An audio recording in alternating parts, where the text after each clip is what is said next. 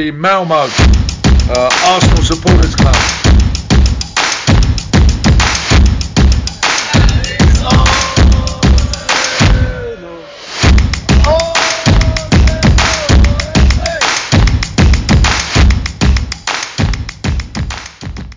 Då hälsar jag varmt välkomna till Arsenal Malmös podcast. Jag heter Niklas Lindblad och idag så har vi med oss Kim Kava Fahlstedt i podden. Varmt välkommen!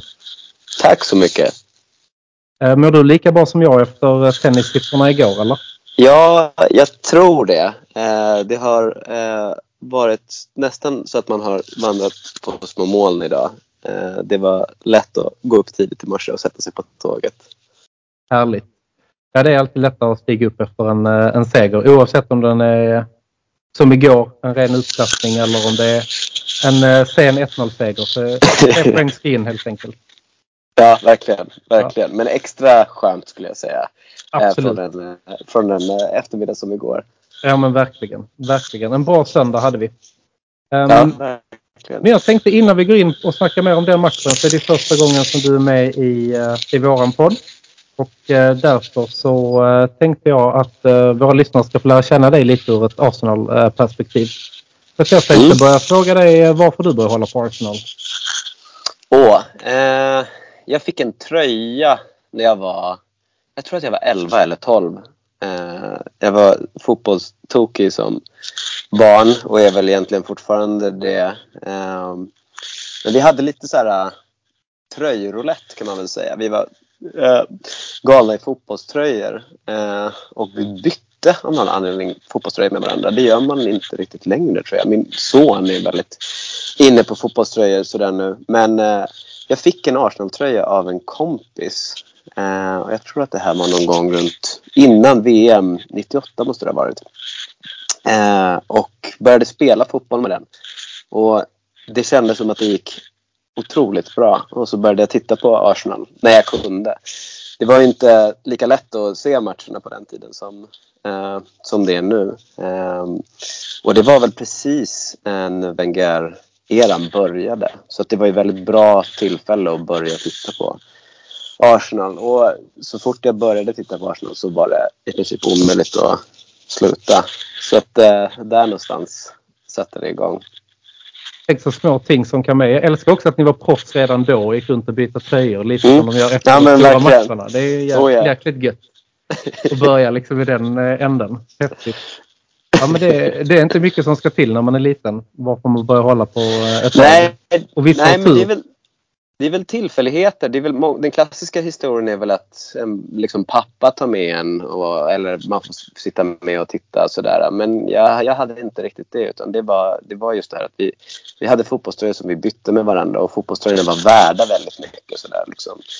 eh, men den här tröjan blev någonting alldeles speciellt för mig. Mm, häftigt. Vad kommer du ihåg vad det var för sponsor på den? Ja, det, det liksom var... JVC eller Dreamcast ja, eller vad de hade då? Det är den, det den var, eran känns det som. Det var en JVC-tröja. Jag hade den där tröjan väldigt länge. Eh, den kan ligga i någon, någon låda någonstans. Eh, eller så har min mamma sorterat bort den. Men, eh, men jag försökte få tag på den där tröjan igen för ett par år sedan.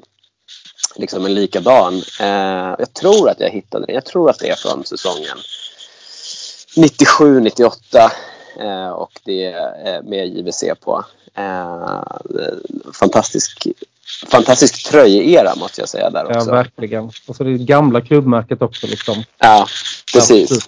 Ja, det är riktigt precis. snygga tröjor. Vi har alltid snygga tröjor i princip, men eh, just där så var de lite extra snygga faktiskt. Ja, vi hade några, några svåra år där med Puma, eh, där, mm. där det tog emot lite grann. Men, eh, men nu är vi ju tillbaka väldigt, väldigt starkt igen skulle jag säga. Verkligen. Puma-tröjan var lite så här, ja, men jag har nog någon, någonting över bara så att man bara ser lite. man vill inte riktigt flasha med dem. Det kan också bero på att vi inte var så bra då, men de var man spelar nog bättre i en snyggare tröja också tror jag. Ja, men det, så är det verkligen. Ja. Så är det verkligen. Spelare som är bekväma eh, och känner sig snygga spelar alltid bättre. Så det, det är en, eh, har jag en stark tro på. Absolut, jag är verkligen beredd att hålla med dig. Härligt. Men um, om vi fortsätter, vad är det för favoritspelare i dagens Arsenal? Eh, det är eh, Bukayo Saka. Det är svårt att komma förbi Eh, att han har liksom betytt så mycket för liksom, den nya generationen och förändringen som kom med Arteta. Han känns liksom som att han bär hela den liksom dimensionen med sig men också att han är så, alltså, han är så otroligt, uh, han är så jävla fin. han är en sån god kille uh, och uh, en otrolig fotbollsspelare som bara, bara kommer att bli bättre och bättre. Men det är så många i, i dagens Arsenal som är så lätta att tycka om tycker jag. och så behöver man inte kolla, kolla så långt tillbaka i tiden för att minnas när det inte riktigt var så. Ja, verkligen. Nej, men han är en gudabenådad fotbollsspelare. Vi har sagt i den här podden många gånger. Han har ju inte nått sin, eh, sin topp än heller. Så att det är liksom några växlar till tror jag vi kan ja, gud, se ja. av honom. Gud ja. Gud ja. Det, det, det, ja, jag, vågar knappt, eh, jag vågar knappt tänka på hur, eh, hur bra han kan bli. Det, det skulle kunna vara liksom Henri-nivåer nästan. Ja, man är liksom verkligen så. Kan det bli Ballon d'Or liksom. Ifall ja. man vill sig riktigt väl. Ja, uh, flera, år, flera år i rad. Ja, flera år i rad. Verkligen. Ja, men vi behöver de där nya hjältarna också. Liksom. Det har varit lite skalt. Alltså, vi hade mycket där. Alltså, om vi backar tillbaka bandet till din fina tröja så är det ju många i det, i det laget. Liksom. Ja. Stora hjältar idag som man fortfarande pratar om. Ja men vi verkligen. Vi behöver lite nya sådana nu känns det som. Ja verkligen. Men just det här med att han och Smith Rowe och Inketia och eh, är det några fler sådana Halen-spelare som, eh, som verkligen Nels, känns som att de... Nelson, ja, visst, han har väl såklart. kanske måste ta lite fler steg men han är ju därifrån i alla fall. Eh, ja, nej men verkligen. Ja, men det känns som att de, liksom, de bär med sig, de förstår vad klubben går ut på, vad den betyder och det, det liksom tar de med sig ut på planen också. Även fast de också är bara så unga trevliga, artiga killar allihopa.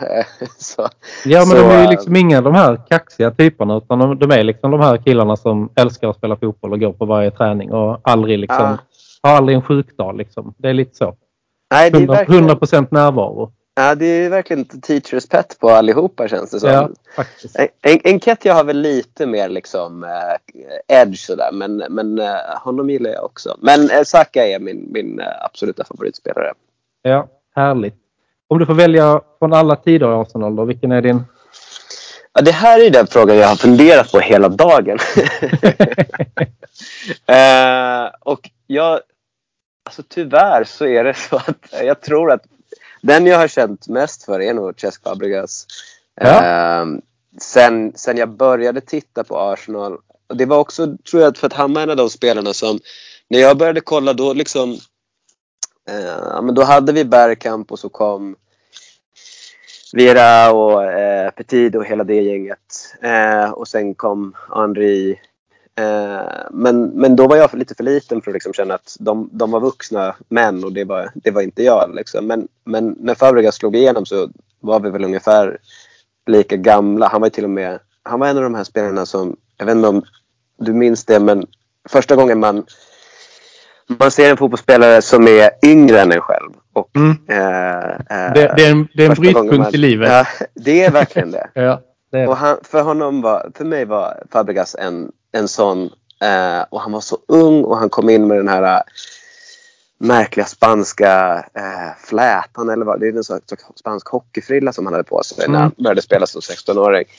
Eh, och man tittar på honom och bara, va, vad gör han där? Varför spelar han liksom på Viras position för? Och sen så, så är han liksom helt otrolig. Så fram tills att han lämnade så, så hade jag eh, väldigt komplicerade eh, känslor för honom. Ja.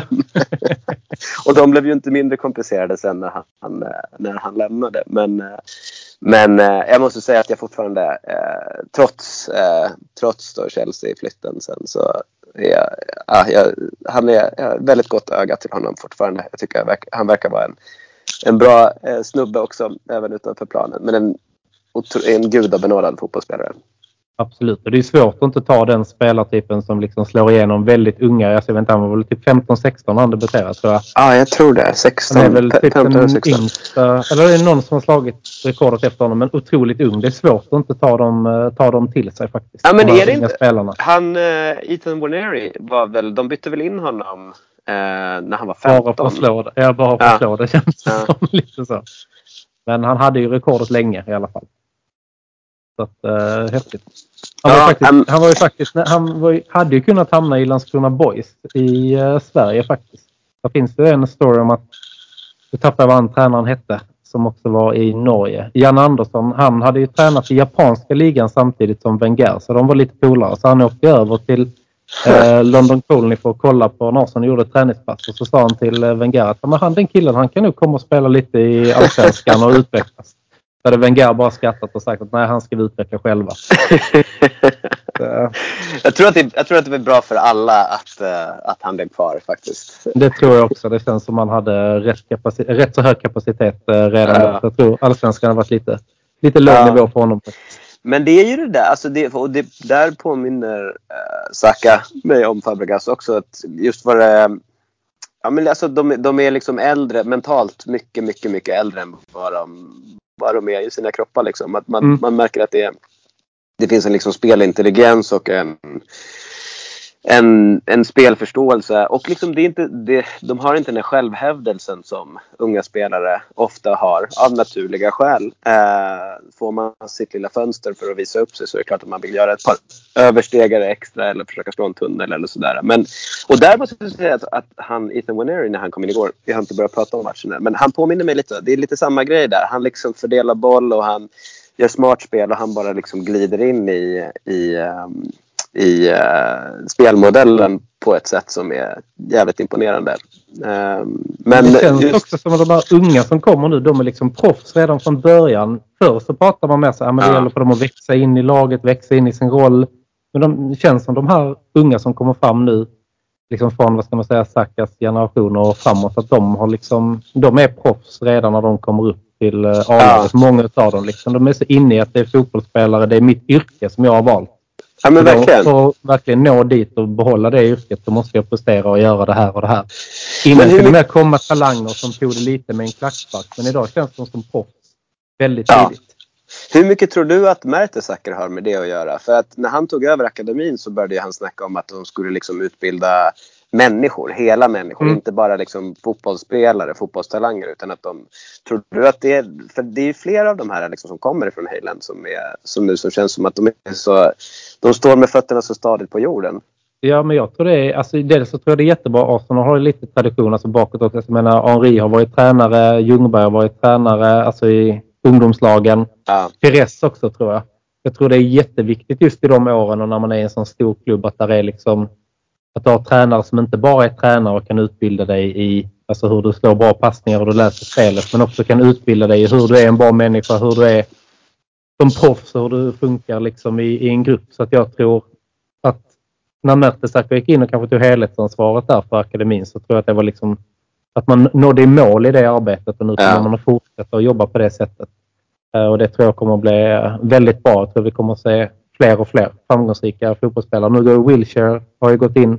Just det. Och har väl U18 tror jag. Så jag tror verkligen på det där att vi behåller de spelarna som har tränarambitioner, att vi liksom knyter dem ja. till oss eh, så mycket som möjligt. Det tror jag faktiskt är ett jättevinnande koncept. Ja, men det känns ju också som något slags arv ifrån... Jag menar, alltså, Arsenal har varit en klubb med klass väldigt länge men, men just det här liksom nästan liksom filosofiska principerna som Wenger var stenhård på. Eh, det liksom hur man för sig, hur man är mot andra och sådär. Det, det känns som att de spelarna som spelade under Wenger också har liksom på något sätt fört det vidare. Eh, ja, men jag, tror, jag tror det. Jag tror att det, det så som Wenger formade dem. Liksom, alltså det, var ju, det, är ju, det är väldigt hårt att säga men det var ett litet gäng alkisar som Wenger ja, fick där. Ja, men verkligen. Om man det liksom.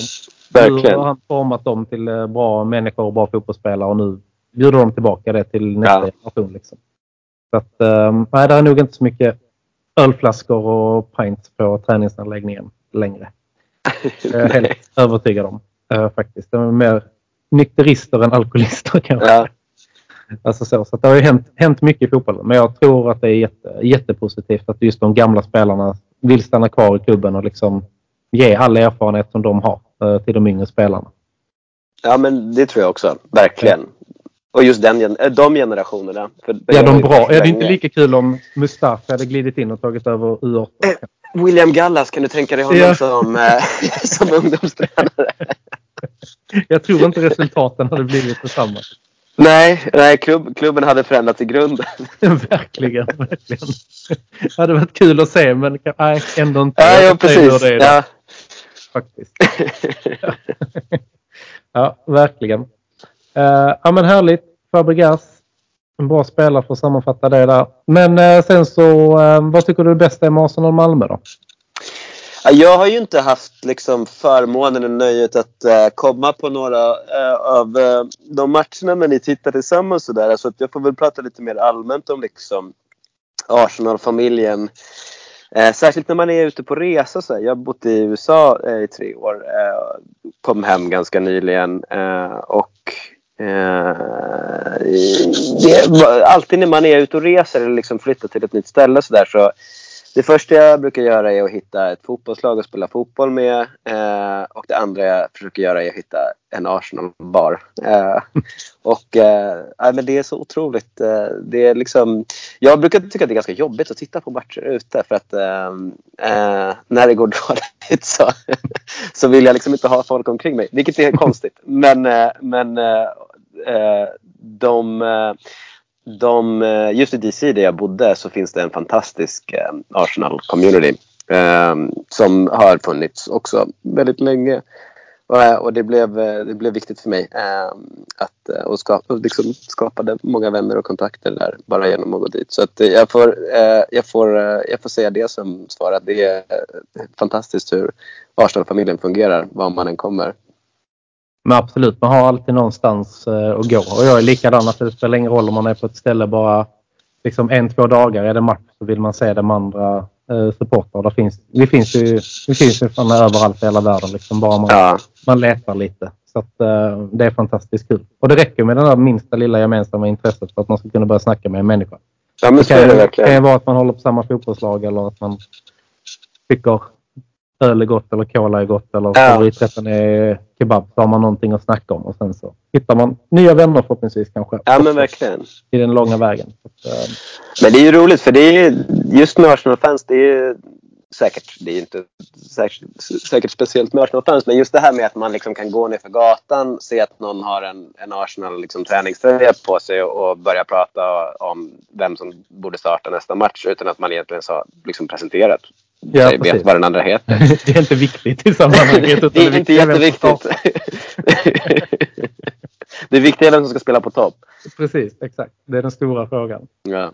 Ja, nej men det är skönt att man kan äh, träffas med de här små gemensamma nämnarna. Ja. Härligt. Yes,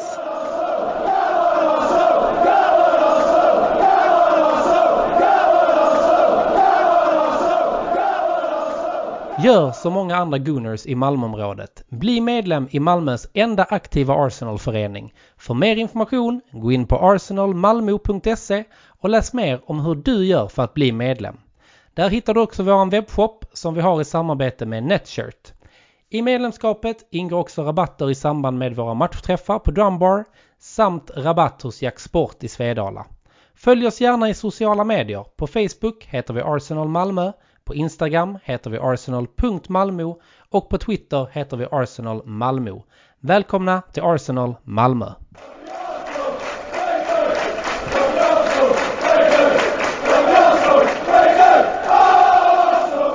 Ja men vad bra, då har vi fått lära känna dig lite som uh, Arsenal-supporter Kim. Yes. Jag tänkte att vi skulle gå vidare mot helgens stora evenemang när vi spelar mot West Ham. Jag utgår från att du såg matchen. Ja, jag såg matchen. Mm. Um, jag såg matchen. Härligt. Det gjorde jag med och det var ju en uh, fantastisk uh, bra dag. Vad trodde du innan matchen? Åh, oh, jag var nervös. Uh, det kändes som upplagt för just efter Liverpool-vinsten också när vi hade spelat så jäkla fint. att det skulle att det skulle hacka mot ett lag som West Ham, det har, har jag gjort förut. Eh, bara minns med eh, sorg hur det gick förra säsongen. Eh, särskilt i den andra matchen. där. Så att jag måste säga att jag var nervös. Eh, även fast jag kände att vi hade kvalitet. Visst var det, alltså, visst var det så att de förlorade matchen innan mot United med, också med ganska Ja, stora med, siffror? ja 3-0 eh, bort Ja, Ja. United blev det. just det. Ja, men, så jag hade noterat det och kände okej, men då, då kanske de inte har den, liksom, den där köttmuren som de hade senast när vi spelade mot varandra. Eh, eller i alla fall den lika funktionell. Men, eh, men jag var nervös och jag, var, jag måste säga att jag var nervös fram tills, eh, tills första målet. Eh, det kändes som att det liksom var upplagt för samma typ av matchbild där vi pressar på, pressar på, pressar på. Spelar runt, pressar på, men inte kan avsluta. Och sen så sticker de upp och gör ett mål med, med Bowen eller någon sån där spelare. Visst var det Mavropanos såklart som gjorde mål mot oss? Mm, jag gjorde eh, mål mot oss såklart. Det är alltid någon eh, sån inom familjen som ska göra mål Ja. Ja, men ett sånt, det var, jag var liksom, jag, ett sånt skräckscenario var jag, var jag inställd på. Mm. Ja, men det var lite samma här. Alltså, jag var också nervös just för att vi har förlorat de två senaste mot dem. Det kändes liksom som att vi spelade ju faktiskt bäst när vi mötte dem senast. Bara det att vi gjorde inga mål. Mm. Det är lite där man vinner fotbollsmatcher. Ehm, men jag tycker också att vi började matchen väldigt bra. Sen är det en liten period, en kort period där man känner att de får lite andrum i första halvlek och börjar Mm. rulla runt bollen lite. Och då sen känner man bara, nej nu blir det en sån här skitmatch igen. Men sen får Mm. vi det där 1-0 målet. Jag sa det innan matchen också. Jag tror det är viktigt att vi måste göra 1-0 inom cirka första halvtimmen. Nu blev det någon minut extra, men skitsamma. Uh, bollen gick in. Och där tror jag att mycket släppte för uh, Arsenal-spelarna på planen. Ja, men det, ja verkligen. Verkligen. Det kändes, som, det kändes som att de blev så otroligt mycket friare i spel. Att de spel, alltså när Arteta, de spelade till och med till och med med och det, finns en kreativitet i det så det blir liksom inte lika mallat. Och när Ödegård börjar röra sig över större ytor och sticka in bollar och sådär då är, då är det ju i princip omöjligt att spela mot Arsenal. Ja, absolut. Vi, får, vi är ju så effektiva den där sista kvarten så att det, det finns ju inte. Vi har väl men, tre eller fyra mål på 14 minuter till slut. Liksom. Så att Ja. matchen är ju helt punkterad när vi går in. Alltså, deras supportrar går hem ifrån arenan. Liksom. Det, händer ju inte varje dag. Ja, Eh, Så att, Nej. eh, det, det var rätt Nej, kul att nej, se. det Det var... var- rätt många som gick alltså. Men jag vet inte hur du är, men jag, alltså jag, jag har så lätt för att liksom hysa agg mot motståndarsupportrar. Och det ju, kan man också så fråga sig, varför är det så... Jag, jag har liksom inget annat lag än Arsenal. Jag hejar inte på något lag i, i Sverige. Jag är, jag är från norrort i Stockholm, men jag är liksom... Jag är inte aik jag är inte djurgårdare, jag är inte bajare. Eh, det är bara Arsenal som gäller för mig. Men jag kan liksom jobba upp ett sånt otroligt liksom, agg emot motståndare. särskilt när det finns lite historia sådär, eh, mot motståndarsupportrar som, som West Ham. Alltså, de har inte gjort mig någonting, men just när de har liksom vunnit ett par matcher och det är lite så narrativ emot just kring matcherna så här, att, eh, att Arsenal har, har haft svårt mot West Ham. Eller West Ham är någon slags buggeteam. Så då Mm. ser de börja liksom strömma ut från stadion ut över broarna där. Det, det, skadeglädjen är, är Ja, eh, Absolut. inte sund tror jag, Nej, det, men, det men inte den sunt, är den påtaglig. kommer. ja, precis. Ja, det är rätt, alltså egentligen, alltså West Ham gör ju sin, sina bästa säsonger på länge. Jag menar, de vinner i sig en C-turnering liksom, alltså förra säsongen, men de, liksom, de ligger åtta i Premier League. Det finns ju säsonger bakåt i tiden där de verkligen borde ha lämnat arenan kanske, men valde att stå kvar. Men jag Ja. tror att så fort framgången liksom lite sådär är på en så är den där... Det är lättare att dra därifrån liksom. Tottenham-supportrarna gjorde det mot Newcastle förra säsongen på bortaplan efter en liknande liksom, genomklappning. Men sen är det också de här äldre gardet. Jag tror det är lite lättare för yngre kanske. Liksom, jag tror vi vill... Alltså, yngre supportrar vill ha den här eh, framgången hela tiden. Men sen så zoomar de liksom Ja. in på de här äldre i 75-årsåldern som sitter där i sina utslitna liksom, tröjor och halsdukar som fan har varit nere i skiten och vänt igen både en och två och tre gånger. Liksom. Ja. De sitter kvar och det är ju den fina sidan utav ja eh, supporterskapet. Liksom. Men sen, det är lite som du också, man, man njuter ju lite när det går dåligt för andra. Alltså, det är därför Ja. man koll- kollar resultaten i de andra matcherna också. Liksom. Det är för att det är kul när det liksom blir 0-0 United-Liverpool som det var för liksom ett tag sedan. Sen Ja. att andra tappar. Och, Alltså så, det, har, det hör ju till lite också. Det är ju en ständig liksom, vi mot dem-känsla. Liksom. Ja. På något sätt. Ja, men- Framförallt tyck- mot West Ham när det har varit lite så här. Ja, men, eh, de kommer slå oss och de har eh, lätt för oss och så får man... Alltså vi hade ju så många mål till godo från förra matchen också. Ja, gud eh, ja. på dem kändes det som. Så att, eh, det var riktigt, riktigt skönt. Men eh, deras reaktioner går hem efter... Alltså, det är klart det är inte bra att ligga under med 4-0 mot Arsenal. De ligger ändå ganska högt upp i tabellen. Så besvikelsen kan jag förstå. Men jag tycker det, man är riktig supporter om man står kvar och genomlider de matcherna. Ja, men det håller jag med om. Det håller jag verkligen med om. Ehm, men just vad det gäller skadeglädjen, alltså jag, det, det är inte särskilt klädsamt. Men jag tycker att det är, det är en naturlig del av supporterskapet som man verkligen ska anamma och liksom luta sig in i ordentligt tycker jag. Livet är för kort för att inte njuta av, av, eh, av lite äkta skadeglädje. Ja, och det är ju den enda sanna glädjen. Det vet vi ju. Eh, det är inte konstigt. Men det är därför jag också tycker det är så tråkigt när det blir de här diskussionerna som det blev efter Liverpool-matchen till exempel. Att ja, Arsenal-supportrarna de firar och spelarna firar. Ja, men det är klart man har vunnit en match som Ja, betyder mycket. betytt mycket. Fira det då och sen så har de haft en bra träningsvecka. Så gör de 6-0 veckan efter mot West Ham. Vad är problemet? Det kan ju inte Ja, bara nej. fira när vi... Alltså fira både stora och små segrar tycker jag liksom är det viktiga. Ja. Nej, men Liverpool-supportrar är ju också otroligt känsliga. Så att, eh, Jo, det, absolut. det vet en vi känslig allihop. period nu. De, Ja. de pratar ju som att Klopp har dött. Ja, jo. Liksom. Det är på den nivån. Att, eh, ja, de har mycket att lära Ja, jo verkligen. Verkligen. när det gäller att hantera sorg. Ja, ja, ja det, det håller jag helt med om. Det håller jag helt med om. Det känns liksom de kommer inte hylla Klopp. De kommer hålla en tyst minut när han gör sin sista match. Liksom. Det är på sista minuten på Anfield när Klopp har gjort sin sista match. Det är, liksom, det är synd om Klopp kan jag säga. Man vill Ja. ha en hyllning men det blir liksom bara... Ja. ja, men samtidigt så kan jag förstå att han vill... Att han då kanske känner att det liksom, den här tryckta stämningen blir lite mycket till slut. Uh, Ja. Att det kan vara skönt att bara ta lite paus. Ehm, Ja, det blir eh, spännande att följa eh, hur det blir den där sista matchen för honom på Anfield. Det kanske blir det. ja, verkligen. Vem vet? Vem vet? Ja, men annars eh, matchen i stort. Vi har ju alla mål är bra eh, tycker jag. Alltså, vi visar att vi är starka på hörnor. Eh, Ja. Det tycker vi det är ett riktigt fint mål där på hörnor. Man ser White går in och tar och trycker undan och så skapas Ja, ytor bakom. han är och så det fin, bara alltså. att nicka in dem. Ja. Så att, eh, White gör det bra. Rice slår bra hörnor och är en bra eh, frispark in. Alltså jag måste säga att jag är, jag är eh, otroligt imponerad av, av Rice som spelare överlag. Jag, jag visste inte att han var så här bra. Eh, men att han Jag tror inte ens han själv på... visste att han var så här bra. Nej, nej. Det, det kanske bara var Arteta som, som visste att han var så här bra. Mm. Eh, men att han var så bra på fasta situationer eh, hade jag ingen aning om. Eh. Men eh, han, han slår ju två, är det en hörna och en fantastisk frispark också. Mm. Som leder till, är det Gabriels mål? Uh, ska se, Saliba gör mål på hörnan var Gabriel gör mål på uh, uh, frisparken. Tror jag. Ja. ja, jag tror det. Ja. Nej, det är, jätte, det är också perfekt att ha det att det inte bara är Ödegård som ska lägga in dem där utan att vi har eh, andra som både kan lägga de frisparkarna in och även uh, hörnorna. Det är jätteviktigt att kunna ha den variationen. Ja, Eh, nej men eh, verkligen, verkligen. Han blir ju bättre och bättre för varje match känns det som Declan Rice. Och nu får han göra mål också i denna matchen. Det är kul.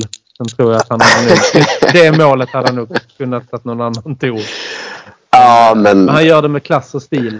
Eh, Ja. ja. tycker jag rakt igenom. Ja, jo men det, verkligen, verkligen. Eh, och det, det talar ju bara gott om, om honom. Även fast jag, ah, gud, ja, jag vet inte.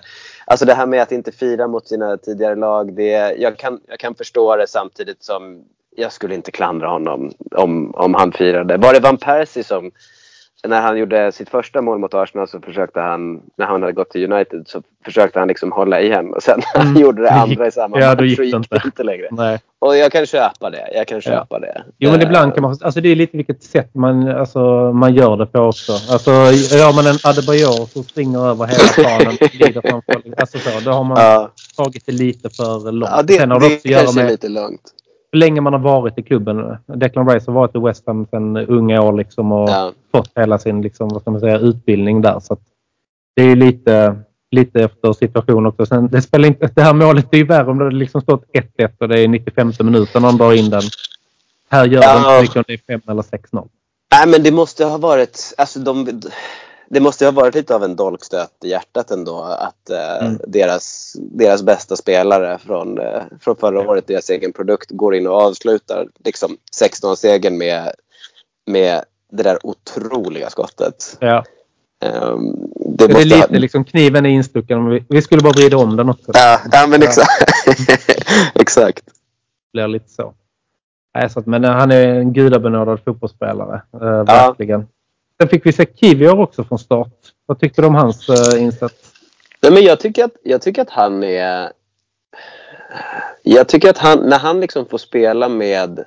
Han får komma in i en match och få ha så tydligt att han liksom har varit drabbad av lite dåligt självförtroende och att han har spelats ur position. Eh, och jag tycker det framförallt har märkts i hans passningsspel som egentligen ska väl vara hans starka, en av hans starkare sidor. Men jag vet inte om det var, var det förra matchen när han kom in också så märker man att han i början liksom slår bort någon boll och eh, det, det är liksom inte riktigt det är inte riktigt sitter för honom. Men så fort han börjar liksom ta för sig lite som jag upplever att han gjorde mycket mer i den här matchen så är han är ju en väldigt fin försvarare och en, en han har ju en fantastiskt fin vänsterfot. Um, han slog någon, om det var ett inlägg som, som i princip friställde Saka. Eh, och jag tycker att det, han verkar vara, som många, liksom, kännetecknet för många av eh, spelarna som Arteta värvar, det är att de är smarta fotbollsspelare. Eh, och eh, kan liksom tillgodogöra sig nya positioner i laget. Även om det tar lite längre tid för honom. Alltså, Eh, han har haft problem med den här positionen eh, och gjort lite misstag. Men eh, jag tycker att han, han, ser, han ser fin och lovande ut och jag tror att han, han kommer kunna bli en viktig kugge för, för ett Arsenal om han stannar kvar. I, om han kan tänka sig att fortsätta liksom spela den här backup-rollen. Eh, mm. Både som central, eh, central eh, försvarare och ute på vänsterkanten. Absolut. Nej, men jag tyckte också han, han började lite så han gjorde lite misstag och lite stressad i början. Men han jobbar sig in i matchen och när han väl liksom har blivit varm i kläderna kan man säga så gör han en, en bra match. Och det är liksom det är speltid som ska till på honom och det är skönt att kunna ha de här spelarna som kan spela på mer än en position också. Eh, ja, men ju, just i omställningarna kände jag att han låg mycket bättre i position i den här matchen. Nu var det inte så många omställningar men, eh, men eh, än vad han har gjort tidigare. För det Absolut, känns som att det är där han har liksom gått bort sig förut. Mm, nej, men han tar steg framåt på ett bra sätt. Att det, den utvecklingen ska också bli kul att, att följa. Liksom. Det, det tycker jag. Så att, uh, oerhört roligt. Sen var det ju Jesus. Han blev väl skadad i veckan på träning. Mm. Klassisk, klassisk Arsenal-mentalitet. Ja. Uh, men uh, vi har Smith ju... Rowe också va? Ja, Smith Rowe också. Ja. Jag vet inte om en av dem var sjuk eller den andra var skadad. Men ja, ja. de var borta i alla fall. Men, så bänken kändes ju lite halvknackig. Ja. Uh, men det vi har in på plan i offensiva krafter det är ju helt, helt sjukt egentligen. Alltså, ja, alltså... Trossard, Ödegård, Saka, Havertz. Alltså det är ju, och de springer ju runt. De, det känns som de har liksom, det är lite så fri roll på allihopa ja. tycker jag. De byter ja. positioner med varandra ganska ofta. Och man, jag tror som motståndare, du vet inte riktigt vad du har. Eh, alla liksom. Jag är väldigt svag för, för Havertz. Eh, särskilt i liksom hans rörelse och hur han öppnar, eh, öppnar spelet för, för sina medspelare. Eh, tycker jag att han, han ser helt fantastisk ut. Alltså. Och sen Hans avslutningsfot lämnar ju en del att, att önska så här långt. Men han känns också som en sån där spelare som liksom behöver fasas in. Och sen liksom när de här liksom, äh, sakerna sitter för honom så kommer, så kommer det där komma också tror jag. Jag tror att han kommer kunna vara en otroligt effektiv vänsteråtta men också kunna spela den här jag vet inte ens om man ska kalla det för falsk nia, det han spelar eh, när, när, han spelar på topp. Men eh, han är bara så otroligt nyttig. Och när mm. han ger sådana ytor som han gör för en spelare som Trossard, då ja, det, är, det är väldigt svårt att försvara sig mot. Ja, absolut. Nej, alltså han, han, gör, det, han gör det bra. Det är precis som du säger. Liksom han tar en löpning så öppnar upp för någon annan och då kan någon annan eh, glänsa. Det var, jag hoppas bara att han får glänsa lite lite mer också göra liksom några mål. Jag tror det är bra för självförtroendet. Men också en spelare som man kan använda på lite olika positioner. Liksom. Så att, ja. eh, också perfekt att ha i truppen och vi kan anpassa oss liksom lite efter, efter motståndet också. Spela på lite olika sätt. Anpassa oss efter olika matchbilder. Så att, eh, otroligt nyttig. Ja, ja han är fin. Han är ja, fin. verkligen. Nej, så det, var, det var en bra match på det stora hela. Det är ju, alltså, man, vad ska man säga, 6-0. Jag satt där hemma och var lite bitter när målen började trilla in. Bara, gör vi 7-0 då går vi om City i målskillnad ja. i alla fall. Kan ja. inte bara trycka dit en till? Liksom? Det är så snabbt man går från att vara ja. ja det är innan matchen. Supporterskapets dilemma vet du. Ja. Och sen är man ändå inte... Äh, vi hade väl kunnat göra ett mål till. Vi hade ju chanserna. Liksom. Ja. Så man där. Nej men skämt åsido så var man ju otroligt nöjd. Liksom. Det var man. Ja. Vi fick fick eh, rasta lite av bänkspelarna. Man vet att när Cedric blir inbytt har vi gjort eh, en bra... Då är matchen stängd. Ja. Eh, Nej, men jag vet liksom inte vad, vad, vilken del av, av matchen som var mest förnedrande. Om det var när Declan Rice gjorde 6-0 eh, eller om det var när vi bytte in en 16-åring och Cedric i samma Ja, precis. I samma byte. Det, där, där är liksom de höga ja. Eh, högsta höjden utav Ja, eh, men man vet att när han är inne och luftas då, då liksom kan till och med Mikael Arteta slappna av. Ja, precis. Det roliga är att man, står ingen, någon får rätta mig om jag har fel, men det var ingen så här, alltså ingen, detta är en sån match att man hade velat se en bild där Arteta bara sitter stilla på bänken, men han är ju ändå uppe och coachar hela ja, tiden. Ja, liksom, trots eh, en sån här match. Gud, och det gillar man att han slappnar ju inte riktigt av liksom. Nej, nej, nej, nej. Han, han, kör, han kör upp och ner för, för sidlinjen ändå, även fast det står 6-0. Ja, absolut. Och det tycker jag ändå är skönt att man liksom, han låter inte spelarna slappna av och vila utan man ska ändå genomföra det. Jag såg någon sån här äh, liten Arsenal.com pumpar ju ut liksom tio videos om dagen med intervjuer och olika koncept och sånt där. Men då var det någonting när, jag tror det var Smith Rowe som pratade om Arteta och vad som gör honom till en speciell tränare och de pratar om liksom hur han jobbar med detaljer och sånt där. Men han sa också att det ofta kan kännas som att han är med, alltså han är med ute på planen eh, och mm. spelar med dem. Och jag kan förstå det för att han är ju faktiskt nästan ute på planen hela ja, tiden. Ja. Han är så nära man kan komma utan att vara på planen. Liksom. Ja. ja, absolut. Nej, man är en fantastiskt energisk spelare. Han är mycket med på träningarna såg jag också någon intervju. Nej, men han är med och spelar med och så är han bra. Jo, men han är fortfarande bra liksom och, ja. hänger med.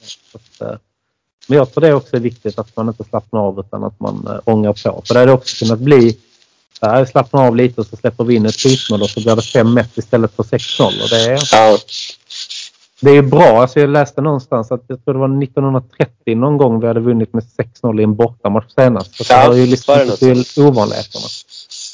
Nej, och det märktes ju eh, på slutet. Var det Kudus som hade någon chans och mm. eh, var det Gabriel som lyckades blocka? Eller om, om ja, jag för mig det också. Ja. Uh, ja, någon av och de liksom jublar som att de har gjort mål. Det, mm. det, det var lite gåshud nästan. Ja, men det gillar man också när alltså, försvararna firar sina segrar, eller sina mål kan man ju säga. Nu får de göra varsitt framåt också, men just det där när de firar en bra brytning eller en bra blockering, det ska de också ha. Ja. Det, eh, det gillar man verkligen. Att, ehm, nej, det var grymt äh, häftigt. 6-0. Som sagt, det var länge sedan det hände senast, men det får gärna hända, hända igen. Ja, det, det, känns som att någonting är på väg att hända. Eh, man ska inte jinxa det, men, eh, men just vad det gäller målproduktionen så, så känns det som att, som att någonting håller på att lossna. Ja, men den har kommit igång. Det var ju det som var lite vårt problem lite de sista matcherna innan, eh, innan nyår där och i mellandagarna var att vi skapade ändå en del eller skap, och sen skapade vi lite mindre och gjorde inga mål. Så jag tror när de var nere i Dubai var det de var, jag var på träningsläger. Då har de nog, eh, de har nog hittat eh, fler nycklar där, både för att skapa målchanser men även att, att sätta dit dem. Och det är många ja. olika målskyttar också. Det är inte bara en eller två utan det är många i, i Arsenal som kan, som kan göra mål och vill göra mål. Så det är också ja, vi, har ju, vi har ju Gabriel i backlinjen som har gjort flest. ja, precis. Ja, men det är helt, helt galet. Liksom. Det är perfekt. Men det har också blivit bättre på fasta situationer och lite de här frisparkarna som Rice la nu senast. Ja. Liksom. Och det är också, menar, de målen är lika mycket värda som en bicykleta i krysset. Liksom. Ja, men det gäller att så är hitta det. de vägarna. Och där hjälper alla till. Alltså det är målet Salibas mål gör, att när Race går in framför målvakten och plockar bort några så han inte ja. kommer ut och sen så har man två på bortre stolpen som kan hoppa upp och sätta dit den. Det är, det är, inte, det är inte bara liksom den som lägger passningen och den som sätter in den i nätmaskarna utan det är så mycket annat som händer runt omkring där hela laget liksom hjälps åt både bakåt och framåt. Ja, men vi, ja, verkligen. Och vi har ju blivit så tunga också. Vi har liksom Saliba och Gabriel som jag inte skulle vilja stå i vägen för när de kommer gångandes liksom, där inne på en, på en frispark eller en hörna. Men jag menar, Ben White är en fysisk spelare också och Declan Rice han är ju stor. Han är en stor mm. spelare också. Så att vi är tunga nu också. Havertz är ju gänglig men han är ju också lång och bra, och bra på huvudet. Så att mm. ja, helt plötsligt har... så liksom är vi ett lag som som har tyngd, den här tyngden i centrallinjen också som vi har saknat så himla länge. Absolut, och den är ju otroligt viktig. Framförallt i Premier League. Det är ändå rätt så fysiskt liksom, uh, fortfarande att kunna vinna de här. Men alltså Rice, han, alltså, så fort man bara tänker att nu rinner någon igenom, då är han där och täckt upp. Han har också inte något bra spelsinne att läsa var han ska vara på planen ja. och få det att se så jäkla enkelt ut. Ja. ja hans brytningsteknik är också bland det värsta jag har sett. Alltså. Ja stå rätt och bara, och bara liksom vinner bollen och slår en ganska så enkel passning och sen så kan vi sätta fart framåt. Så att det ja, ja, men han avväpnar folk liksom. Mm. ja, men det är lite det han gör. Liksom. Nej, det, är, det är grymt och jag tror att det är nog en sån spelare som, eh, som sätter sig lite innanför eh, skinnet. Eh, alltså på motståndaren. Jag vet, ja. vet han i Liverpool, vet han? Han som är kommentator, Carragher, Jamie Carragher, han sa ja. att alltså, han kunde inte sova innan han visste att han skulle möta Henri när Arsenal var som bäst. Jag visste inte vad han skulle göra, jag visste inte hur jag skulle hantera honom. Det var bara liksom ren och skär ångest. Ja, han gjorde ju bort honom ett par gånger också. Ja, absolut. Ja, det var av honom ordentligt, absolut. så jag förstår ja. det. Men just det här att vi nu har de här spelarna man liksom, där motståndarna får tänka liksom ett steg längre. Eh, det tror jag är viktigt, för det tröttar ut dem. Alltså, trötta ut dem psykiskt i matchen. Ja. Blir trötta på ett helt uh, annat sätt. Uh, ja men exakt och där är vi tillbaka till det här med att de, många av spelarna är så otroligt spelintelligenta att de, liksom, de vinner den mentala biten också. Mm. Och den är jätteviktig. Tror jag har det här övertaget liksom. Ja. Uh, och att vi gör det på så snyggt sätt att vi gör det och sen rycker vi på axlarna och gör inte så mycket av det. Vi gör liksom inte som som Haaland som nästan ska göra det för att förnedra spelarna och stå och hånskatta dem. Utan ja. vi bara gör det och sen så fortsätter vi matchen. Liksom. Så ja. det, men det har alltid varit lite mer klass på oss än andra lag. Ja, ja precis. Eh, ja. Och så är vi, vi, är bra, vi är bra på att fira också. Ja, absolut. Det är vi. Det är vi, det är vi riktigt, riktigt bra på. Absolut. Yes. Ja, men härligt. 6-0 ställningssiffror. Det händer som sagt inte, inte varje dag. Nej, nej, nej, det får man verkligen vara tacksam för. Verkligen, verkligen.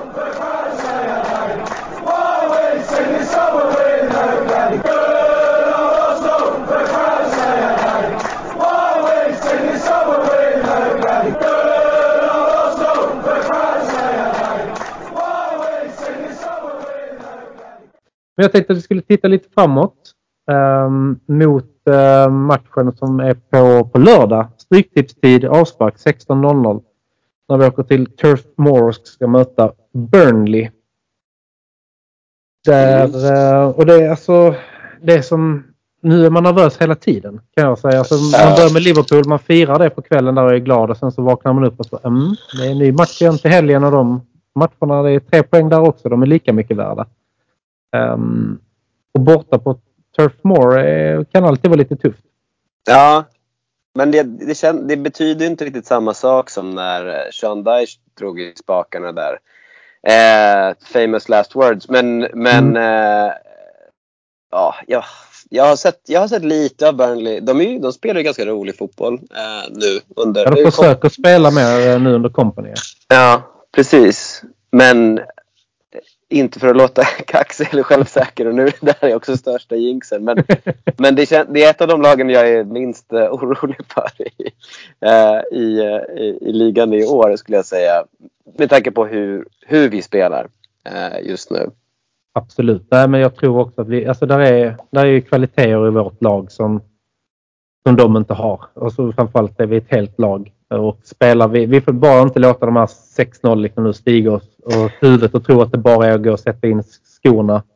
Nej. Um, och menar, alltså ett Premier League-lag på hemmaplan, det är alltid tufft att möta dem för de vill inte göra bort sig. Men uh, Det, de har väl inte vunnit på denna sidan årsskiftet tror jag. Så att, um, det, vi bör ju vinna.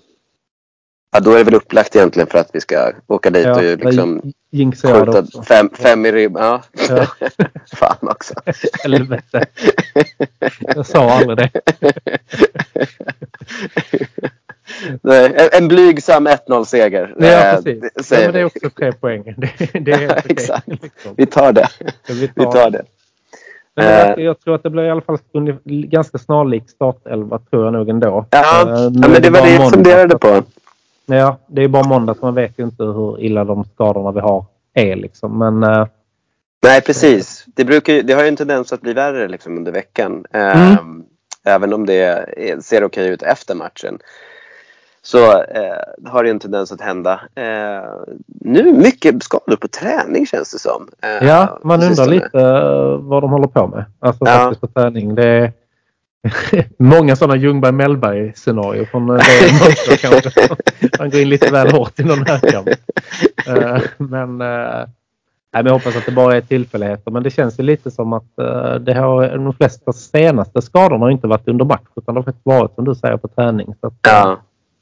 Ehm, det bör de ju se över om det fortsätter. Men, Men ehm, jag skulle se fram jag, jag, Om Smith Rowe kunde vara liksom spelklar så känns det som en, en match. Kanske inte från start nu om man känner Arteta men om, att han skulle få mycket speltid i en sån, en sån match som, som mot Burnley. Som, som, de försöker spela men kommer väl antagligen eh, behöva stå lågt eh, mm, också. Absolut. Då känns han som en sån spelare som skulle kunna vara där och, och eh, dyrka upp Absolut. Han var, innan han blev skadad nu igen så tyckte jag att han var verkligen på väg tillbaka liksom, till ja. Eh, där han var innan han eh, fick de här skadorna. Men jag tror också att detta blir en sån här, liksom Burnley, vad ska de göra när Arsenal kommer? Alltså det är bara för dem att backa hem och liksom blunda och tänka på kungahuset liksom. eh, hoppas på det bästa eh, på något sätt. Eh, och, eh, så jag tror också att i den, även i den här matchen är det så jäkla viktigt att få in det här första målet inom 30 minuter så att man de måste gå lite framåt också och, och öppna upp sig liksom på något sätt. Så jag tror att det blir viktigt i alla fall att de inte får hålla den här nollan hur länge som helst utan att vi får håll på dem ganska tidigt. Ja. Ja, nej men verkligen.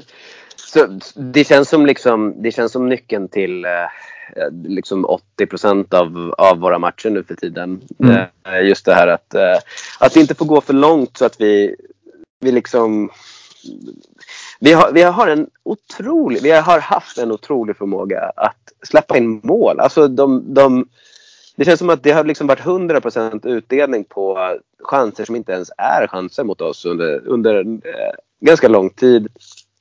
Eh, och det Förhoppningsvis har det vänt nu men eh, man vet ju det där, liksom, det kan se hur bra ut som helst fram tills precis innan halvtid och sen så trillar in något mål. Det går på någon klack eller Kivjör liksom får en axel på en hörna mm. och sen så, så står det 1-0 helt plötsligt. Med rena bjudningar liksom. Ja. Mm. Nej, de, nej, jag hoppas också att det, det, är slut på dem, precis som du säger. Att, eh, ja. Det får nog räcka med dem lite nu. För att det känns ja, det känns tradigt att liksom, det som Liverpool-matchen känns ju också så att man tycker vi spelar skitbra, vi har 1-0 och sen så får de ett sånt riktigt pissmål. Ja. Och ibland kan ju det där vara de där pissmålen som får de andra lagen till att vakna till. Ja, ja eh, men särskilt lag som, som Liverpool. Men mm. om det är någonting man ska säga om Premier League, eh, just att det har blivit så otroligt mycket hårdare konkurrens även ifrån, det finns så otroligt mycket kvalitet även i, i de, de så kallade sämre lagen, de mindre ja, klubbarna. Eh, jag menar, West Ham har ju en spelare som, som, West Ham har ju gått bra, men de har ju en spelare som Kodos till exempel som kan mm. göra lite vad som, vad som helst när som helst. Absolut. Eh, det finns individuella kvaliteter i nästan alla lag i uh, Premier League. Alltså ja. så, att, uh, där är alltid någon som kan, kan ställa till det och alltid någon som är ett, ett hot. Och är de tillräckligt effektiva så, så blir det 1-0 eller 1-1 istället för att vi gör 2-0 liksom. Och så är det, så är det match helt plötsligt. Så det, är inga, inga lätta matcher överhuvudtaget. Men detta är ju en sån match att ska vi vara med i toppen då kan vi liksom fan inte ja. åka dit och tappa poäng. Liksom. Det finns ju inte.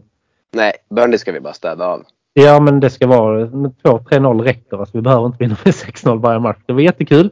Eh, absolut. Men det, är liksom, det viktigaste nu är att tre poäng ska in och nu har vi kommit ifatt lite med de här målen också. Det är också fan, liksom, nästan som en extra poäng känns det som. Med tanke på att vi ligger... City har väl en match mindre spelad än oss, tror jag. Ja, ja det har de. Eh, och eh, vi har spelat lika många som Liverpool, men de är två poäng före. Så att, Ja. att vi tog igen lite i målskillnaden mot de lagen, det är också jäkligt viktigt eh, och känns också Ja, men det, kän, det känns också bra. som För nu är en... vi lite på samma nivå även i målskiktet. Liksom. Och det känns, det, är, det känns lite större liksom än. Det, jag hade riktigt brytt mig om målskillnad för det känns som att vi alltid har...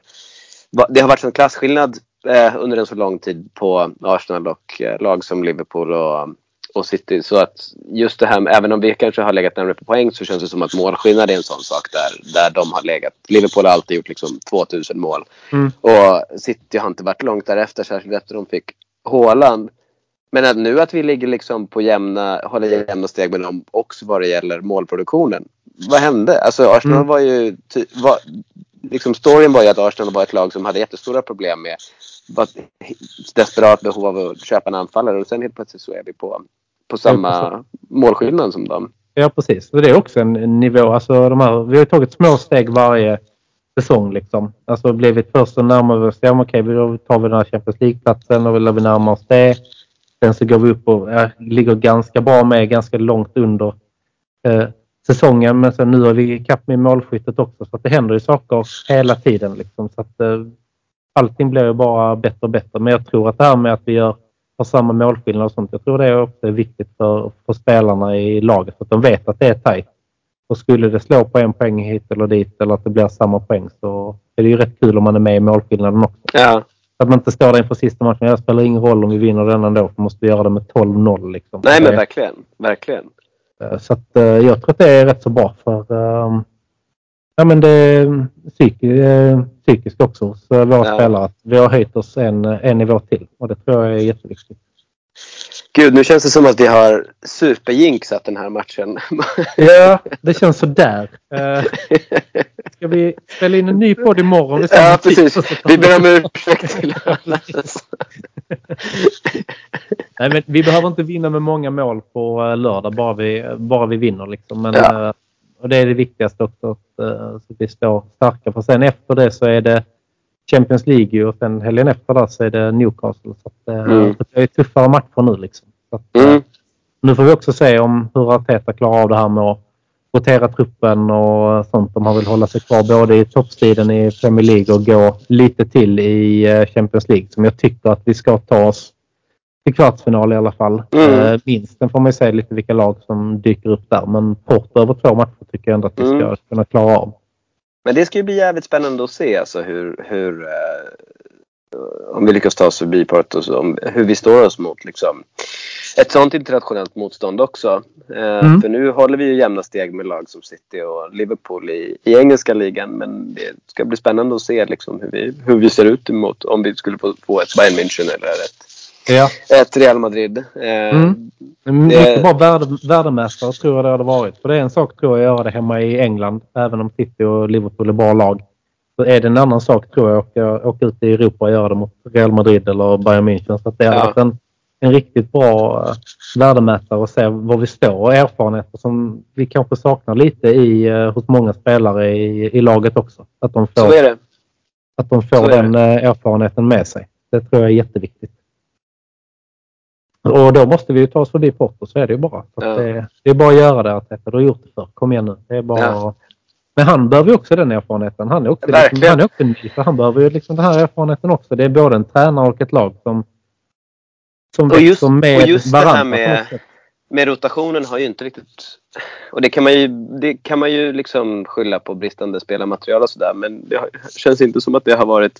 Det har varit in, liksom inte riktigt hans starka sida så här långt. Utan att det har varit ganska förutsägbart fram till den här säsongen då. Eh, med vilka som ska spela och hur vi, hur vi kommer att spela. Ehm, Mm. Men jag har egentligen inga, jag har egentligen inga orosmoln för det. För Arteta känns som en otroligt smart tränare. Ehm, Ja, men- absolut. Det gäller bara att han har... Detta är ju första säsongen jag känner där det finns liksom någon form av truppbredd ändå att prata om. Nu gäller det bara att den, att den här truppbredden är tillräckligt eh, frisk så att han har spelare som är friska och kan, som han kan snurra på. Liksom.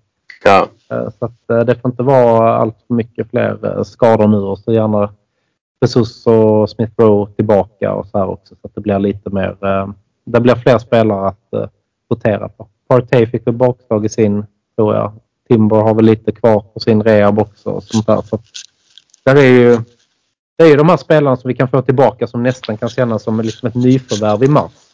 Som inte har spelat på jättelänge om de kommer in på rätt sätt. Att, tror, tror, du, reserv. tror du att Timber kan vara tillbaka i så snabbt alltså? alltså inte sådär direkt i matchspel. Det var väl sagt att han ska vara tillbaka. Han har väl börjat träna på gräs i alla fall. Ja. Uh, och det var väl sagt i slutet av februari från början. Men uh, jag tänker att han kan han komma in i mitten av mars, slutet av mars och spela 30 minuter i någon match så kan det vara, vara bra också. Men uh, ja, det vore otroligt. Inte. Men det vore ju jäkligt kul. Faktiskt. Ja. Han såg också riktigt spännande ut eh, ja, de två matcherna ja. han eh, fick spela. Han hade man verkligen velat se mer utav. Och det ja, vi han, göra framöver. Han stod verkligen ut. Under, mm. Dels under försäsongen eh, men också under första matchen där. Tills han skadade sig. Att han kändes så självklar. Ja, men han, kände som han bara gick rakt in och så bara, ja, ja men här ska jag vara. Liksom. Det är inget snack. Så blir han skadad. Det är jäkligt tråkigt. Men då är man ju invigd i hela Arsenal-ritualen. Om man ja, gör en sån, ja, precis. sån han, gjorde... han gjorde allt rätt. Han gjorde en hel Arsenal-karriär på en, en match. Ja, precis. På, på en match. Han gjorde allt. Succé, blev skadad. Perfekt. Riktigt, riktigt Arsenal-hjärta. Liksom. Ja, ja, verkligen. verkligen. Ja. Nej, riktigt uh, härligt. Men eh, vad tror du om säsongen i stort? Hur långt, eh, hur långt tror du att eh, Arteta bär oss denna säsongen? Åh, oh, gud det här är... Sånt här vågar jag nästan aldrig prata om. Eh, nej, men jag tror... Jag tror att vi... Jag tror att, jag tror att vi kommer... Vi har tagit steg framåt varje säsong med honom. Eh, och jag tror att vi kommer... Jag tycker redan att vi har utvecklats ännu en nivå under den här säsongen. Jag tror att City blir för svåra i ligan eh, till slut i år. Eh, inte för, jag tror inte vi kommer kollapsa igen. Jinx. Eh, nej, men jag tror, att, jag tror att det kanske är det som är, är annorlunda den här säsongen. Jag tror inte det kommer vara, och jag säger inte att vi kollapsade förra året heller, eh, men jag tror inte att det kommer ske samma typ av liksom långa formsvackor och eh, perioder utav dåligt självförtroende, kollektivt dåligt självförtroende. Utan jag tror att det kommer vara skillnad. Jag tror att vi kommer vara med där uppe till slutet. Men jag tror att City kommer vinna och att vi kommer tvåa. Eh, Liverpool tror jag imploderar. Mm. Eh, ja, blir, Champions, vem vet, vem vet. Men en semi skulle ju vara fantastiskt. Ja, verkligen. Nej, men jag tror det är viktigt att vi tar oss vidare där och visar att vi klarar av ett, ett slutspel också. Inte bara eh, ta oss vidare från ett gruppspel utan att vi, vi tar oss en bit i alla fall. Det tror jag är jätteviktigt. Och sen det som du säger, att det har tagit steg varje säsong men eh, alltså, tar vi ingen titel denna säsongen då är det, tycker jag att det är fan titelkrav på honom eh, nästa säsong faktiskt. Alltså, uh, ja, men det, du kommer nej, med ultimatum. Nej, men inte ultimatum. Men jag tycker att alltså, nu är vi ändå uppe på den nivån att nu måste vi börja prestera och ta titlar igen. faktiskt. Ja, ja men det håller jag med om. Det alltså, håller jag med om att... alltså ta något. Det kan vara FA-cupen igen. Visst, det är klart jag vill sikta högre. Det, alltså, det är Premier League som jag vill vinna. Absolut, men vi måste uh, verkligen... Att jag tycker han får bra förutsättningar nu. Varje transferfönster tycker jag att vi gör bra och på rätt sätt. Han får in spelare som presterar eh, och eh, nu måste man liksom ta det där, det där sista steget och liksom ja. lyfta lite, lite silver också faktiskt. Det håller jag med om. Eh, det vore... Det, det är ju såklart nästa steg. att det ska faktiskt bli att det ska bli pokaler och, och fina pokaler också. Samtidigt så kan jag känna att det var så otroligt länge sedan det var så här kul att titta på Arsenal. Och då är det inte bara resultaten utan också hur laget spelar, vilka spelare vi har och kontakten mellan laget och, och fansen och vad liksom vad är det?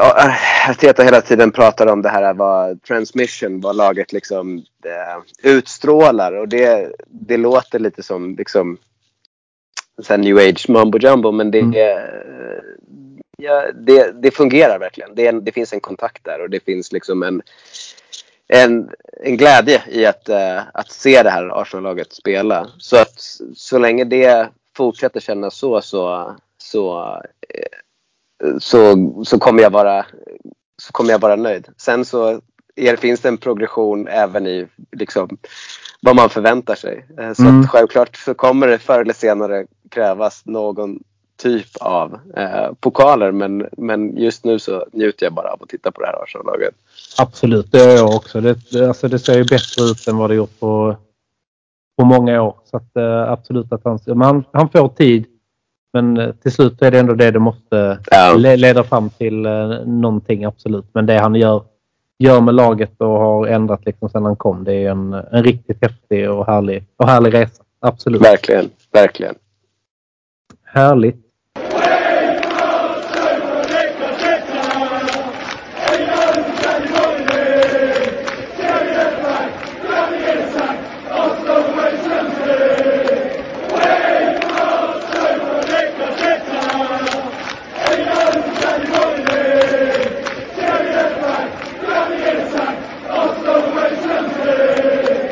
Men du, jag tänkte faktiskt, du har ju ett rätt spännande yrke, eller lite annorlunda yrke kanske. Jag vet ja. inte vad du kallar det, eller om det är ett stort intresse, men det är det här med film. ja. Uh, ja, jag är, jag är ju biträdande, just nu är jag biträdande lektor då, universitetslektor uh, i filmvetenskap. Mm. Och har hållit på med filmhistorisk forskning i, ja vad är det, 15 år. Ja. Så eh, det, är det, det är det som är det, det, är det jag håller på med. Ja. Det, är, det, är ett stort intresse men det är framförallt eh, mitt yrke just nu. Precis, men det är härligt att både kunna ha, alltså, ha sitt, yrkes, eller sitt intresse som yrke. Så kanske man säger för att det ska låta så positivt uh, som möjligt. Liksom. Ja, jag uh, blev ju inte fotbollsproffs så någonting var jag ju tvungen att göra. Ja, precis. Ja, man måste ju få dagarna att gå. ja, exakt. Eh, men jag tänkte bara att vi lite kort skulle kunna bara lite med fotboll på, eh, på film. Eh, och kanske lite kolla på lite Arsenal-filmer och sånt som har gått. Men framförallt, är fotboll, är det bra att göra film av? Ja, men det tycker jag. Alltså jag tycker att själva inramningen kring fotboll är väldigt bra att göra film. För att det finns så mycket dramatik. Det finns så mycket stora känslor. det finns glädje och sorg. Eh, och det finns, det finns motgångar eh, och det finns dramatiska vändningar. Eh, så att fotboll liksom som ett kulturellt och socialt fenomen är, är, är mycket bra att göra film kring. Men däremot så är det lite sämre med att göra film om det faktiska spelet. Där är det väldigt få som har lyckats liksom fånga spelets nerv på det sättet som, som, det, som det faktiskt är att spela fotboll och vara med i en riktigt spännande fotbollsmatch. Eller ens att titta på en riktigt mm. spännande fotbollsmatch. Ja, men det är lite, alltså, min första sådär riktiga ska säga, filmupplevelse när det gäller fotboll, det är liksom de här Goal som kom. När man var ja. runt typ 12 år om den här uh, mexikanska ja, mm. karaktären som ja, men blir, Det är ju hela den här romantiken i början med att man spelar på liksom en jävla åker i princip och sen så så blir det ju Newcastle som eh, eh hittar honom. Han kommer över. Det är tufft i Champions League och han jobbar sig uppåt och till slut så får han då göra mål i någon Champions League-match eller om det är Premier League i alla fall. Men han liksom når ju hela vägen där. Just det. Där, men där är det ju nästan, där var det liksom inte de här fotbollsscenerna egentligen som fångade en. För de tycker jag är ganska, nu har jag noll kunskap om hur, alltså så, men jag tycker de, de fångar inte riktigt hur det är som på en fotbollsplan. Men allt runt omkring det var ju det man bara satt kanske och drömde om som 10-12-åring. Det var det här bara låt någon upptäcka mig och att jag är så bra så att jag får liksom spela i de stora ligorna. Det var ju häftigt eh, att se. Och där hade de också förgyllt det lite med att det var rätt mycket riktiga fotbollsspelare som var med i de filmerna Just också. Just det. Eh, han spelade väl Newcastle första filmen och sen tror jag det är Real Madrid. Ja, det gick fort eh, för honom. Ja, väldigt. Ja, snackar raketkarriär. Duktigt. Det går eh, väldigt fort. Eh, liksom, på tre månader känns det ja. nästan i, uh, i filmen där. Ja. det, är, det är nog lite du, som du säger också, de här scenerna som är på plan. Det är nog inte riktigt många som, som lyckas med det. Nej, det är svår, jag tror att det är otroligt svårt att fånga den. Alltså dels så går ju fotboll så otroligt, alltså proffsfotboll går ju så otroligt fort. Mm. Um, så att hitta spelare som kan spela fotboll på den nivån och med den farten tror jag är väldigt svårt. Och sen så är det ju också så att en kamera liksom ska röra sig nere, nere på planen om man vill fånga mm. den typen utav nerv. Liksom. Inte att publiken ska sitta på läktaren utan publiken faktiskt ska vara med spelarna nere på planen. Mm. Där blir det väldigt svårt att, att liksom om, eh, omsätta det i ett bildspråk som fungerar. Det känns ofta som att det går, det går för långsamt. Och mm. man ser och känner att spelarna är inte så bra. Nej, precis. Man, känner, man, ser, man ser det också. Vi som är supporter tittar mycket på fotboll. Man ser det så lätt på alltså rörelsemönster och liksom bolltouch. Oftast är det att de zoomar in bollen jättemycket och så är det liksom en, en fot som sparkar på bollen liksom och ja. dribblar framåt. Och där ser man liksom, det där är ju inte på, det är inte på riktigt. Nu är det ju film så det ska inte vara på riktigt. Men liksom bara sådana små detaljer ja, gör att man tappar det lite. Liksom. Men där kan, det, du, jämf- där kan du jämföra med hur um hur eh, de här Nike-reklamfilmerna till exempel har skildrat fotbolls, eh, fotbollens fart på ett helt annat sätt. Och det, jag tror att det liksom lämpar sig lite bättre för nästan det här liksom musikvideoklippandet. Det här liksom snabbare tempot och kortare liksom nästan actionscener. Än att man liksom ska försöka berätta en historia med kameran under en mm. fotbollsmatch. Eh, det, det blir svårare. Ja, absolut. Det märker man. Man måste lägga till liksom någon form av speakerröst eller någonting liksom för att man nästan ska fatta eller att man går in i fotbollsspelarens tankar och ja. sånt där. Men det, just de här spelscenerna har ju inte lyckats i någon. Liksom, det är nästan det sämsta i alla de här filmerna. Det är som Zlatan-filmen. Det är inte det roliga att se när han spelar fotboll utan det är, det är det vid sidan om. Liksom. Ja, nej men verkligen. Så är det, så, så är det ehm, verkligen. Det är, det är nog som du säger, allting runt omkring fotbollen är nog jättelätt och bra att göra film på. Men just själva spelet är nog eh, det tuffaste där. Men det, ja. det måste ju vara med också såklart. Det tyckte jag var i Ted Lasso tyckte jag var ganska charmigt för där har de ju med liksom, de ska spela i Premier League men där är det ju vissa av statistspelarna som uppenbarligen liksom inte har sprungit 200 meter på, på de senaste åren. de gör nästan en grej av det liksom. Att, ja, ja, att uh, vi vet att det här liksom inte är en, en kopia av det ni ser uh, varje helg i Premier League utan det, det blir nästan ett sånt kontrakt med med tittaren. Ja, precis. Ja, men det känns som det är något, slags... Ja, men de har gjort en överenskommelse mellan tittare och de som gör ja. film. Ja, det, ska, det ska vara ungefär så här, men ja. Det blir bra ändå. Så att, eh, där finns ju olika upplägg, eh, absolut. Men sen finns det de filmerna som... Fever Pitch är ju en film som ligger ja. en väldigt varm om hjärtat där man väljer... Dels så är den inte på... Eller den är ju påhittad men själva storyn kring laget den har ju faktiskt hänt. Mm. Det är liksom, och det går ju fan nästan inte att skriva den, den säsongen vi har där. Liksom. Det, det, det är manuset. Så där har man ju valt att behålla, liksom, vad ska man säga, det riktiga som har hänt.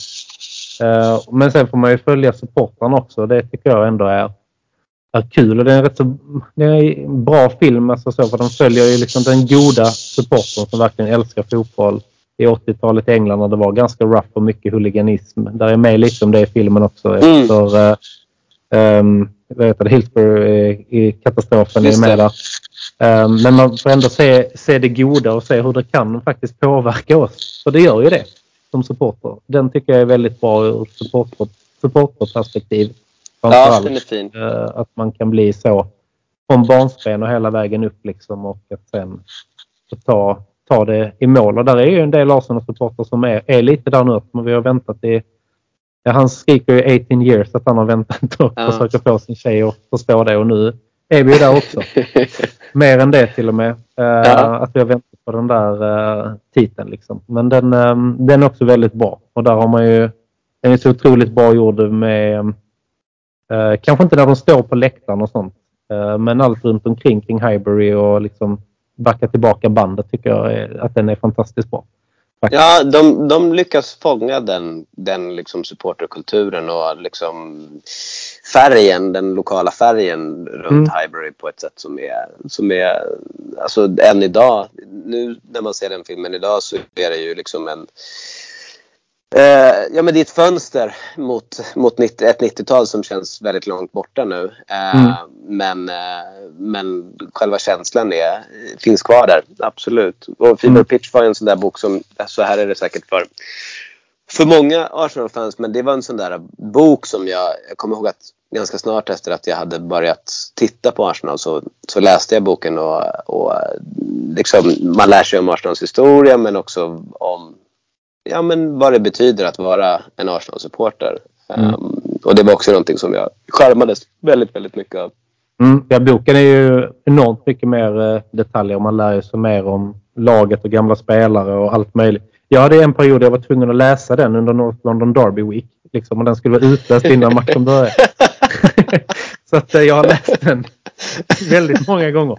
Sen började vi förlora och då liksom försvann den där uh, okay. uppladdningsgrejen. Så att, men den, den ligger en varmt om hjärtat både som ja. film och som bok. Och boken ja. tycker jag oftast är nio gånger av tio så är boken bättre än, än filmen. Men det är för att det är lättare att ha med lite mer detaljer och kanske inte riktigt samma budget när man skriver en bok som när man ska producera en film. Nej, det brukar inte vara så. nej, det brukar vara lite, lite dyrare att producera en film. så att, uh, nej, men det, men det görs ju mycket. Liksom, det kommer ibland lite fotbollsfilmer och kan man vara överens om att det här spel spelsekvenserna kanske inte är de lättaste att göra heller. Men det kommer mer och mer dokumentärer. Är det kanske mm. att ha liksom någon form av dokumentärform när man ska skildra fotboll på film? Ja, nej men det, det tror jag också. Eh, det finns en film om Zidane eh, som är helt fantastisk som är eh, 90 minuter eh, av en ligamatch. Från någon gång eh, början av 2000-talet tror jag att det är när han spelar i Real Madrid och eh, det är några filmskapare som har monterat upp en massa kameror runt omkring eh, fotbollsplanen och följer honom, hans varje steg under, under matchen. Nej, bara följer honom liksom. Hela ja. matchen. Ja, mm. och det låter som att det skulle kunna vara det tråkigaste man någonsin skulle kunna titta på. Men lite det... titta att uh, färg torkar på en vägg. Ja, men lite så. För det är verkligen Zidane hela tiden. Men det, den, är, den är helt fantastisk. Det blir nästan som en ballett. Dels så är ju Zidane kanske den mest eleganta spelaren som har beträtt en fotbollsplan. Men, men det är också... Ja, det blir liksom en, en, en människostudie. Eh, mm på ett sätt som är väldigt liksom meditativ och eh, man, man, man dras med i filmen eh, och i filmens tempo. Vä mm. väldigt, väldigt mycket i filmens tempo på ett sätt som påminner mer om hur det känns att spela fotboll. Mm. Eh, just den här känslan av att liksom vara i rörelse tillsammans med andra människor och liksom fungera och kommunicera på ett annat plan det lyckas den här filmen fånga på ett sätt som eh, jag inte sett någon annan fotbollsfilm eh, göra. Fan vad man hade velat ta den på Highbury med Henri istället bara. Ja, han, han är en sån där spelare som också ja, absolut hade man, man hade bara kunnat sitta och titta på. Eh, I det scenariot hur länge som helst. Verkligen. Ja, verkligen. Ja, de valde fel spelare för oss som supportrar. Det gjorde de. Men, eh, men gjorde de. En, en, en, en häftig take på det liksom. Och, ja. Alltså verkligen. Måste vara annorlunda. Ja, den kanske man borde se. Ja, det tycker jag. Trots att det inte är Arsenal-relaterat. Men sen är det ju de här andra dokumentärerna. Det finns ju liksom de dokumentärerna som jag tycker är lite mer vad ska man säga, styrda med olika spelare. Det var ju populärt ett tag att många, många spelare som gjorde egna produktioner liksom med dokumentärer om sig själva. De är ju ganska styrda men sen finns det ju den här kategorin liksom all or nothing som har kommit till Arsenal med men även andra klubbar och i olika sporter. De har varit i både hockey och amerikansk fotboll. Där man får följa med in i omklädningsrummet. Och där är man ju... Mm. Det är, egentligen så är det ju fan det enda man vill. Det är att vara ja. inne i omklädningsrummet samtidigt som man vill att det också ska få vara lite heligt. Ja. Eh, på något sätt som eh, supporter. Men där är ju, det är otroligt spännande. Det är ju därför alla de här stadium eh, toursen som finns på alla stora arenor drar eh, folk drar. För att man vill ju vara där inne i det allra heligaste och sen när man får komma in och se hur det verkligen funkar också så är det häftigt också. Där i produktionen är det ganska kass för det är bara en kamera som sitter uppe liksom. Men ändå så blir det helt fantastiskt på något sätt ja. att, att få följa med in i det där riktigt innersta och se hur, hur är det liksom fem minuter innan man går ut och spelar en riktigt, en riktigt stor match. Och den biten tror jag, den blir ju inte samma om man jämför det i de här spelfilmerna. Då är det liksom oftast en tränare som står där och det är liksom musik som ligger bakom. Alla sitter och tittar på tränaren. Men det är ju inte så i verkligheten. Visst det är tränaren som står där och, och skriker men det är också liksom någon som går runt och viker handdukar och som liksom rättar till tröjan liksom och, och, och så. Så det, det, det, blir mer en, en äkta känsla liksom. Ja. Uh, på det. Men um, otroligt spännande ändå. De...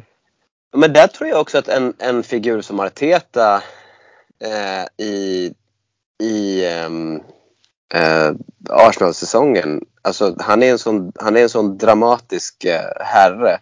Och, Roy Hodgson liksom, hade inte gjort de snacken på det sättet. Nej, det hade varit en helt annan... helt annan varit grej. Helt annan, nej, men han är ju nästan teatral i sitt sätt att, uh, att kommunicera på. Liksom. Han, han jobbar mycket med stora känslor och värderingar och sånt där. Men också alla de här jävla idéerna han hade liksom med liksom de här blinkande lamporna och att han skulle spela You Never Walk Alone under en träning och sånt mm. där. Det, eh, han lite han jobbar ju mycket Kurt med Olsson det. kör han lite där också liksom och ritar. Han, går, han, han täcker mycket. Ja, ja men verkligen. Så att, jag tror att han var en tacksam figur. Jag tror att de inte riktigt hade väntat sig att tränaren skulle ha en sån person, stor, stor personlighet. Nej. Eh, när det gäller det där. Eh, Guardiola, för visst var det City som var... Mm, det har City också haft det. Ja. Och, och Spurs... Eh, jag hade Mourinho när han var jag där. Jag såg ett par och sen klarade jag inte av det längre. Men, Nej. men, eh, men eh, Mourinho är ju ett minustecken jämfört med... med eh, han, han har ju personlighet men den är ju negativ eh, mm. jämfört med Arteta. Men, eh, men jag har sett ganska mycket av den där typen av dokumentärer om amerikansk fotboll. För att liksom formatet är hämtat därifrån, ifrån NFL eh, dokumentärer. Det var under försäsongen mycket, det finns en programserie som heter Hard Knock som har vunnit en massa priser under en lång tid. Där man följer ett NFL-lag under, under försäsongen och, och de är så otroligt otroligt tajt berättade och det finns liksom en dramatisk kurva i varje avsnitt och sånt där. Och sen så började de med det här under, eh, under, eh, under säsong också med Arizona Cardinals innan de också gjorde det för City tror jag de var först med. Så att jag, formatet liksom kunde jag, så man kan känna igen liksom hur de kommer att berätta det. Men Arsenal-säsongen var speciell säger jag då som ett stort Arsenal-fans. Men, men, men Arsenal-säsongen gav någonting annat. Det mm. kan jag säga med ett mer kritiskt öga också. Det fanns en annan dimension, det fanns en annan nerv.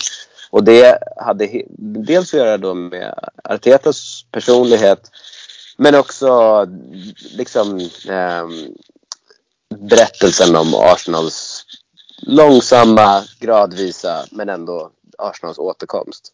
Ja, det var lite den här jätten som vaknade till liv. Eh, alltså, på något, alltså lite så. Under den eh, säsongen var det lite så. Den sovande ja. jätten som började vakna. Sen tyckte jag många av spelarna var väldigt bjussiga också. Verkligen. Rob Holding och Tierney som står och dansar i kafeterian liksom och försöker hålla god stämning. Och när de är hemma hos vissa. Och sen också någonting som Arsenal är bra på är lite där i den serien också. Men även vad jag tycker Arsenal är jättebra på i det materialet de lägger ut på sin hemsida. Det är att alltså, man tar med det här runt omkring. Alltså Stuart, eh, fotografen som håller tal inför ett derby. När Ödegård eh, förlänger, han är liksom ute och hälsar på folket ute på på gatorna och så här. De, de väver in och de började, började kanske lite under pandemin när de hade de här supporterna som de filmade under matcher och satte ihop ett klipp på. Där det är en som sitter och kollar de, eh, typ fa cupfinalen med sin mm. mormor eller farmor. Så mm. Det tycker jag också är väldigt fint att man väver in. Att man får supportrarna och, och, lagen liksom bara, ja. en enhet. Liksom. Det ja men verkligen. Är, de är otroligt bra på faktiskt. Ja. Ja. Och i alla ja. presentationer av tröjor och sånt här. Och där är Ian Wright också en karaktär. Eh, Åh oh, gud ja. Eh, I dem. Men det tycker jag att de är väldigt bra på som eh, förening. Liksom. Där, jag skulle säga Ian Wright är en sån där spelare som, som jag inte såg så mycket av, för han försvann ganska snabbt efter att jag började titta på Arsenal. Men som också har vuxit efter att han slutade spela till en av mina liksom, absoluta favorit Arsenal-personer. Mm. Eh, liksom nu levande.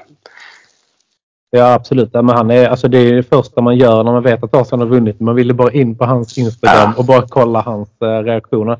Där finns en, jag tror den ligger ute på Youtube också. Det finns en dokumentär som är väldigt bra om honom också. Ja. Eh, var han kommer ifrån och han träffar sin gamla lärare som man tror eh, Ja, det där klippet har jag och, sett också. Ja. Det är fantastiskt. Men hela den dokumentären är, är jättebra. Kommer inte ihåg ja. vad den heter nu men um, den är jättebra. Så han har ju också ett enormt stort uh, Arsenal-hjärta faktiskt. Ja, han är fin. Han är verkligen. fin. Så det finns ju mycket både om Arsenal och uh, annan fotboll och uh, det kommer väl mer och mer hela tiden. Så, uh, jag tycker både, det är mycket bra både som klubben har gjort och försökt att göra de, hela den här Jesus rehab. Mm, Inte jättekul kanske att titta på sådär men där är liksom ändå man får en inblick. Och de gjorde den här dokumentären om U18 också där man följer Wilker och det. Det är också kul att man ändå det är de nya tiderna och tekniken som ändå gör att man får följa med hela, hela truppen och, och hela laget. De har gjort någon om damlaget också. Så ja. det, är, eh, det är kul att, klubb, att klubben satsar lite på det också. Att man det, det har de också blivit så otroligt mycket bättre på. Mm. Och du kan ge dig fan på att det sitter liksom flera miljoner och tittar på när Jesus får en artroskopi. Ja, absolut. Ja, ja. ja, men jag tittar ju själv så jag kan inte säga emot någonting. Liksom. Men det, det är ju helt, helt sjukt att man sitter Åh, nytt avsnitt ute liksom. Ja. Och så, men allt, allting blir, men det är lite det här, att man får följa med lite bakom kulisserna. Det är som när, när DVD-filmerna kom. Det, det, roligaste när man hade köpt en film det var ju liksom att sitta och kolla på de här bakom kulisserna. Det man inte ja. får se i det vanliga. Det är ju alltid liksom spännande. Ja, det är liksom när verkligen. han får sitt knä omlindat för tredje gången eller om ja. det är Arteta i omklädningsrummet. Det är liksom fantastiskt. Ja, precis. Man ropar in frugan och säger till han har börjat gå nu. Han har tagit ett steg. Han har tagit... Men lite så. Kolla, kolla. Han sätter ner hela foten nu. Han kan ta tyngden på den också. Det är fantastiskt. Det är liksom, man har samma puls där som under, under en match. Liksom. Ja. Ja, men det är oerhört kul att man får följa med liksom där också. Uh, och det är det tycker jag att eh, Arsenal är, är väldigt bra på. Att ta med. Ja, det, är, det är de verkligen. och vad som händer liksom ute i, i, vad ska man säga, ute bland uh, supportrarna. Det är, det är riktigt kul. Faktiskt.